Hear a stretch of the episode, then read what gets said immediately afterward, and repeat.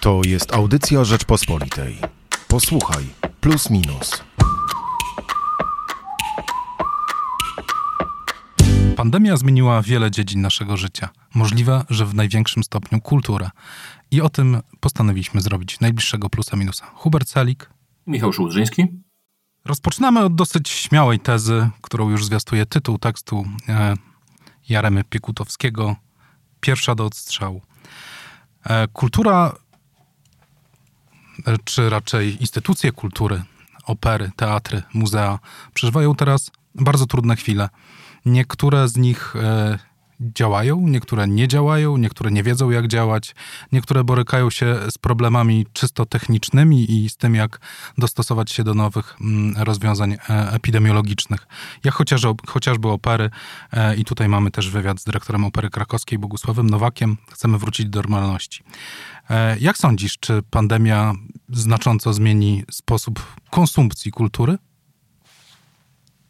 Wydaje mi się, że tak.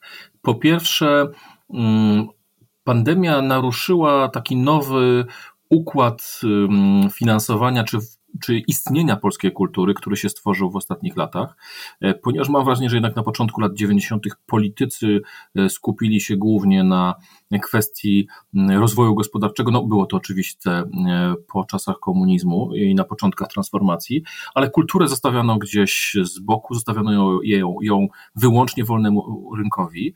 I wiele osób wierzyło, że po prostu kultura ma sens tylko wtedy, jeżeli ma nabywców, a jeżeli nikt nie chodzi do opery na przykład, czy do filharmonii, no to niech te opery i filharmonie upadną. Ale to się zmieniło, myślę, że jakieś 10 lat temu państwo, czy nawet więcej, zdało sobie sprawę z tego, że kultura potrzebuje e, mecenatu. E, I powstały bardzo, powstało bardzo wiele nowych filharmonii, nowych budynków, oper.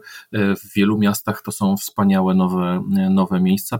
I zrozumieliśmy, że wraz z bogaceniem się społeczeństwa, że kultura jest czymś niezwykle ważnym. Ale to było związane nie tylko z tą kulturą oficjalną państwową, ale z całą siecią działających galerii, galeryjek, knajp, knajpek, w którym okazało się przy okazji pandemii, że tysiące ludzi znajdowało pracę.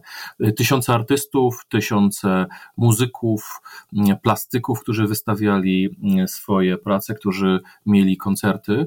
I dopiero jak przyszła pandemia, zdaliśmy sobie sprawę, jaki poważny jest te, jaki poważny to jest problem i jak dziś oczywiście świetnie sobie dadzą radę te wielkie filharmonie, które mają stałe dotacje od Ministerstwa Kultury czy od samorządów, czy takie instytucje jak e, dużych, w dużych miastach umieszczone domy kultury, e, ale jak pisze Jerema Piekutowski, pierwszą mm, ofiarą, jak w samym tytule, który przypominałeś, pierwsza do odstrzału będzie kultura, bo na przykład biedniejsze gminy pierwsze co zlikwidują, to właśnie domy kultury. W ciągu tych ostatnich 30 lat bardzo posunęliśmy się, tak jak wspomniałeś zresztą, w tych projektach infrastrukturalnych. Powstały nowe, piękne gmachy oper, mm, teatrów, e, ale przecież kultura to przede wszystkim ludzie, przede wszystkim twórcy. E, I tutaj e, ich los też nie jest jakiś najlepszy. Pisze zresztą, zresztą o tym też Joanna Szczepkowska w swoim felietonie, wspominając o tej finansowej niestabilności na przykład aktorów, którzy mają miesiące, w których zarabiają świetnie i miesiące, w których potrafią nie zarabiać nic. E, ten brak rezerw finansowych jest widoczny więc nie tylko w instytucjach kultury, co pokazało innymi wspominane przez Jaremę Piekutowskiego badanie w Krakowie, gdzie 3% podmiotów kultury deklarowało, że nie jest w stanie funkcjonować dłużej niż e, pół roku bez, bez jakiegoś zewnętrznego wsparcia. 3% oznacza, że w zasadzie praktycznie e, nikt nie jest w stanie po 6 miesiącach dalej kontynuować działalności. E, z jednej strony mamy więc do czynienia z uzależnieniem od widza, czyli podejściem stricte komercyjnym, a z drugiej uzależnieniem od środków publicznych. E, gdzie, te, gdzie znajduje się ten punkt równowagi, bardzo trudno powiedzieć, ale e, tak naprawdę kultura w swoich dziejach zawsze przeżywała e, ten sam problem. Bez mecenatu nie byłoby wielkich dzieł Michała Anioła. Rembrandt van Rijn też działał przecież na wolnym rynku, tak byśmy to dzisiaj nazwali. I wcale nie wiodło mu się aż tak wspaniale. O Van Goghu nie wspomnę. A przecież są to nazwiska z pierwszej ligi. A dzisiaj postrzegane jako nazwiska z pierwszej ligi, ale całą kulturę tworzą tysiące osób, e, które robią mniejsze, może mniej spektakularne rzeczy, ale równie ważne dla swoich społeczności. E, nie wiem, czy jest jakiś sposób, żeby im pomóc, oprócz e, takich rozwiązań państwowych, typu jakieś ulgi podatkowe, jakieś możliwości odpisów, jakieś zrezygnowanie z, um, czasowe z ubezpieczeń, na przykład zdrowotnych i emerytalnych, oczywiście zakładając, że te kwoty zostaną im naliczone na poczet przyszłych emerytur. Natomiast e, aktywność państwa e, chyba jednak znaleźliśmy się w momencie, kiedy powinna być e, ciut większa, bo same firmy cierpią z powodu pandemii i możliwe, że ciężko będzie im znaleźć, znaleźć pieniądze na rzeczy, które z ich punktu widzenia są jakąś formą marketingu. Jak myślisz, co państwo mogłoby jeszcze zrobić? Na pewno dużą, dużym odkryciem, e, które państwo zrobiło, było to, że zorientowało się, że kultura jest po prostu dużą częścią, czy ważną częścią naszej gospodarki. E, wraz e, z tym, jak się bogaciliśmy, Mm, coraz więcej pieniędzy wydawaliśmy z naszych budżetów domowych na kulturę, na bilety, mm, na abonamenty rozmaite. Mm, i te, ten strumień prywatnych pieniędzy od prywatnych widzów tak naprawdę dawał możliwość funkcjonowania tysiącom tysiącom artystów, o czym mówiłem już wcześniej. I państwo robiło sporo, samorządy robiły e, sporo. Ja w niedzielę byłem tutaj w Walenicy, niedaleko mojego domu. Otwarto bardzo ciekawy budynek, to się nazywa Kulturoteka. Jest tam biblioteka, jest tam dom kultury, jest tam e, sala wystawiennicza, e, sala koncertowa, jest możliwość otwarcia ściany całego budynku i na miejskim parkingu można wtedy samochody zabrać i zrobić porządną scenę. Teraz właśnie w niedzielę był koncert muzyki, muzyki operowej. I gdy takie miejsca się pojawiają, zaczyna się, zaczyna się ruch, tak? Zaczyna być miejsce, gdzie można robić lekcje muzyki, gdzie mogą być warsztaty z lepienia ceramiki, z wycinania rozmaitych rzeczy e, i ta kultura, bo, bo, bo, często o kulturze myślimy w taki sposób, e, no tak jak mówiłeś, pierwsza liga, Rembrandt, Van Gogh, czy najwybitniejsi twórcy, ale czasem zapominamy, że to są właśnie tysiące rozmaitych ludzi w rozmaitych e, miejscach i miejscowościach. Mm, ale mam wrażenie, że państwo trochę się zorientowało. Ten, ten, pro, pro, program, który był Kultura w sieci, gdzie Ministerstwo Kultury przyznało 80 milionów złotych Y, pomocy artystom, którzy sobie w ogóle nie byli w stanie poradzić, bo stracili źródło dochodów, pokazało, że też y, zrozumiano, czy państwo zrozumiano, że zrozumiało, że to jest ważna sfera. No ale tutaj też jest druga strona medalu, y, ponieważ jeżeli się całkowicie kulturę uzależni od państwa, zaczyna być problem no, takiego, tego, co nazywaliśmy w naszych rozmowach, gdy dyskutowaliśmy o tym, o tym, o tym pomyśle na, na temat numeru plusa minusa, nazywaliśmy to nacjonalizacją e, kultury, czy wręcz później upartyjnieniem kultury. No właśnie, wspomniałeś o programie Kultura w sieci. E, on się nie bez kozery tak nazywa, bo w ciągu tych ostatnich paru miesięcy kultura, kultura w e, znaczącej mierze do sieci e, wyemigrowała. To nie tylko jakieś małe koncerty dawane mm, online, ale też spektakle, które można, biletowane oczywiście, które można obejrzeć online. I teraz chyba rodzi się takie podstawowe pytanie, które zresztą ludzie kultury często podnoszą. Czy to w ogóle jest jakaś droga? Ona e, z pewnością uzupełnia mm, tą całą ofertę, pozwala dotrzeć do ludzi, którzy teraz w tych warunkach najprawdopodobniej by mm, nigdy do teatru nie trafili albo mm, na koncert e, właśnie z powodu ograniczeń e, ilościowych. Natomiast to, co podnoszą ludzie kultury też, też u nas, w naszych łamach, chociażby dyrektor Opery Krakowskiej, to fakt, że ta substytucja jest dalece niedoskonała, dlatego że kultura e, składa się też z ciągłego kontaktu z odbiorcą, z widzem. Bez tego kontaktu e, sporo traci. Myślisz, że uda nam się jakoś znaleźć taki złoty środek, że jednak, jednak zarówno ta kultura online, jak i ta E, że tak powiem, live da się połączyć, bo to, co opowiadasz w Falenicy, e, to rozwiązanie, z którego tym bardziej teraz e, nie będą mogli wszyscy skorzystać, bo po prostu jeśli ten koronawirus pozostanie z nami na może nawet lata, no to może się okazać, że ta cała infrastruktura, którą zbudowaliśmy, mm, nie będzie służyła w takim stopniu, w jakim byśmy chcieli i pozostanie nam ten online. W kwietniu Marcin Kubę pisał w Rzeczpospolitej taki bardzo ciekawy tekst w ogóle o finansach, o tym, jaką rolę finanse pełnią e, w kulturze. Mm, I postawił tam bardzo ciekawą tezę, którą muszę przyznać, dała mi sporo do myślenia. E, mówił, że platformy streamingowe kiedyś były uważane mm, za przyszłość e, branży filmowej, ale bardzo szybko się zorientowaliśmy, że one nie zastąpią kin. To zupełnie jest inne doświadczenie oglądać film na ekranie komputera, czy nawet na dużym e, ekranie w domu, czy dużym telewizorze, zupełnie inne wrażenie mamy idąc e, do kina. To po pierwsze. E, I to jest to, o czym mówi dyrektor Opery Krakowskiej, pan Nowak? Znaczy, że nie zastąpią pewne bezpośrednia konsumpcja czy bezpośrednia korzystanie ze sztuki, no nie może być całkowicie zastąpione przez e, kulturę w sieci. Ale jest też drugi problem, a mianowicie e, model biznesowy e, platform streamingowych polega na tym, że jest tam mnóstwo słabych rzeczy i co jakiś czas perełki.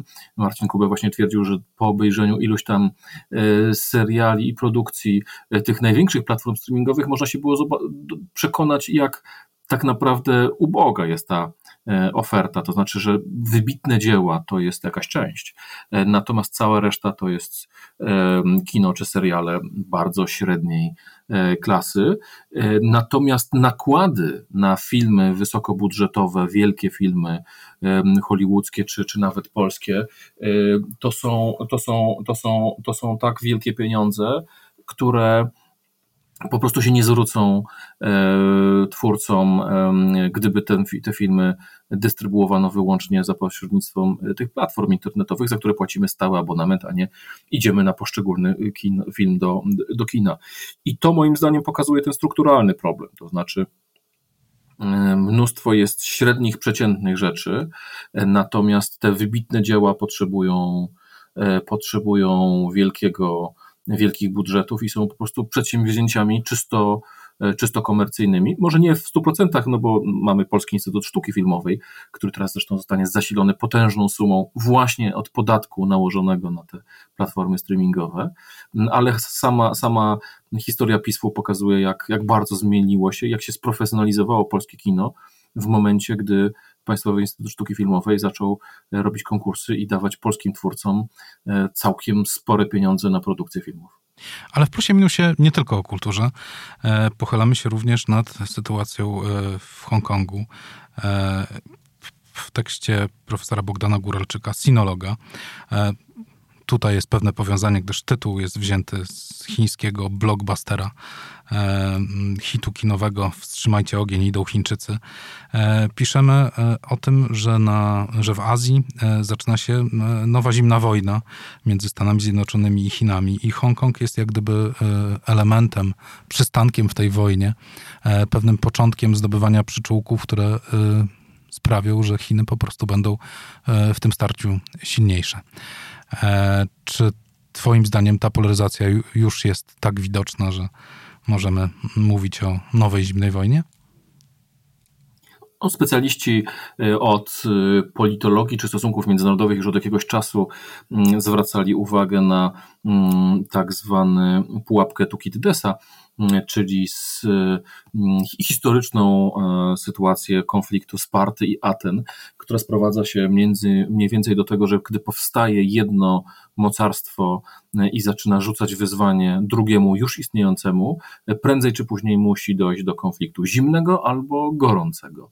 Mm, no i jak pisze profesor Góralczyk, mm, obecne władze chińskie postanowiły odejść od zasady ukrywania swojej potęgi od zasady, którą przez cztery dekady wyznawały, to znaczy budujemy swoją potęgę, ale zbytnio się z nią nie, nie afiszujemy.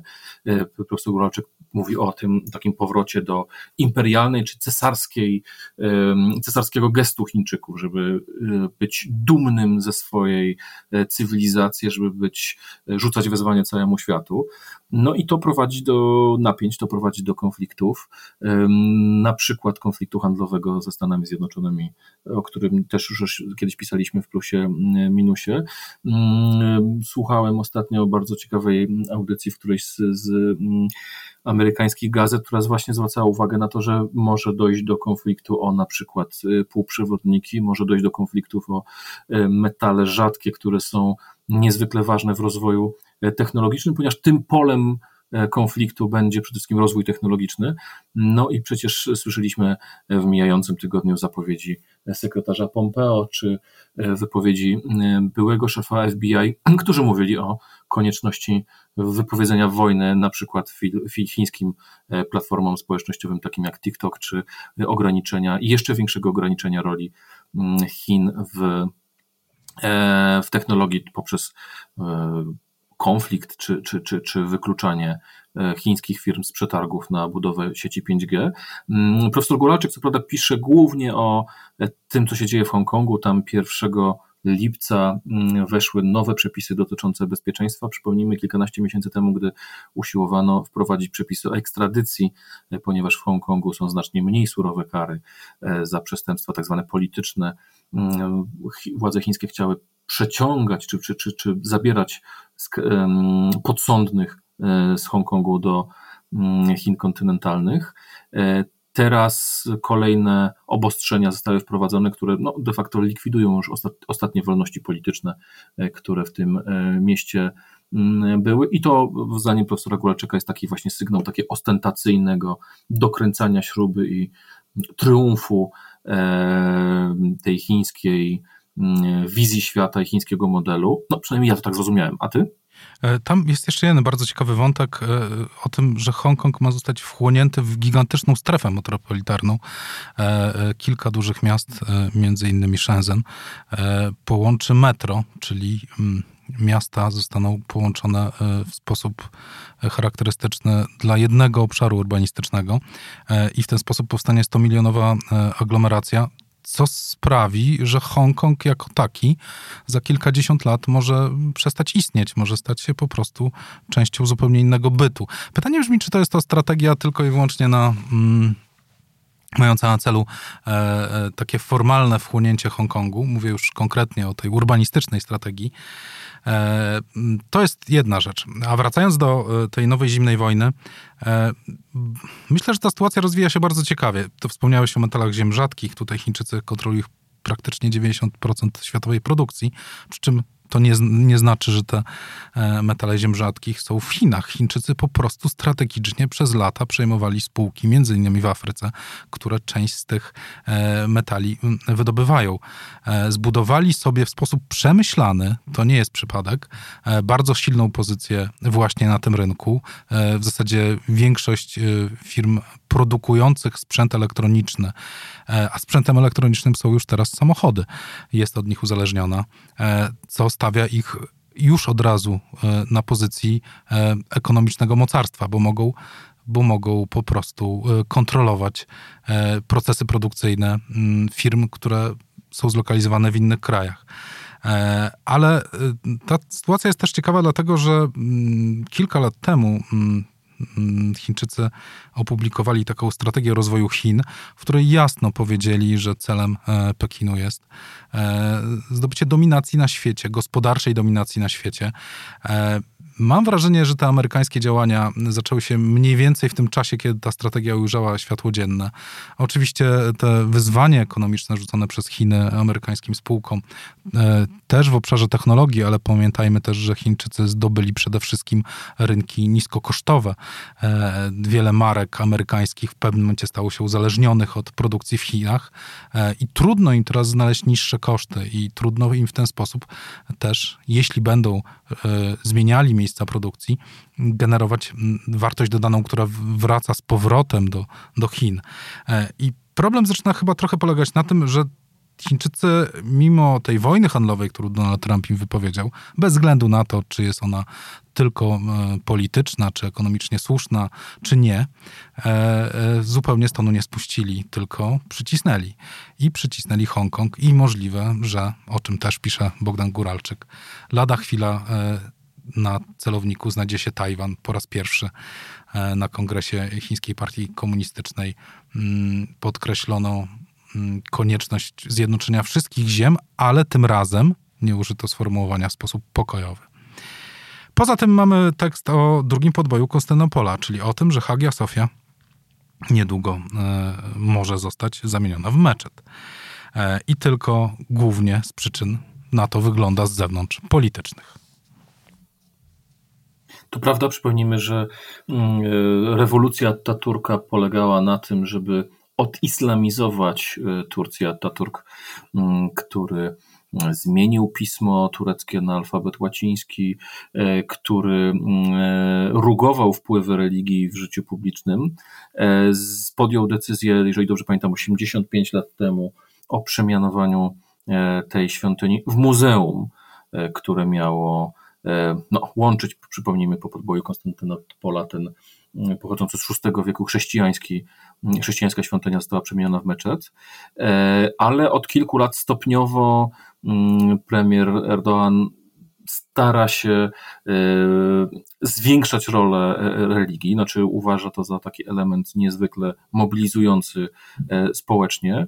Mm, odchodzi od tej zasady świeckości państwa. No i jednym z pomysłów na e, pokazanie tej tureckiej dominacji ma być przekształcenie z powrotem albo wydzielenie stref religijnych, ale mające prowadzić do tego, że Hagia Sofia znowu będzie, będzie pełniła funkcje religijne, ale e, islamu. O przyszłości kultury, o tym, co dalej w światowej walce wielkich mocarstw.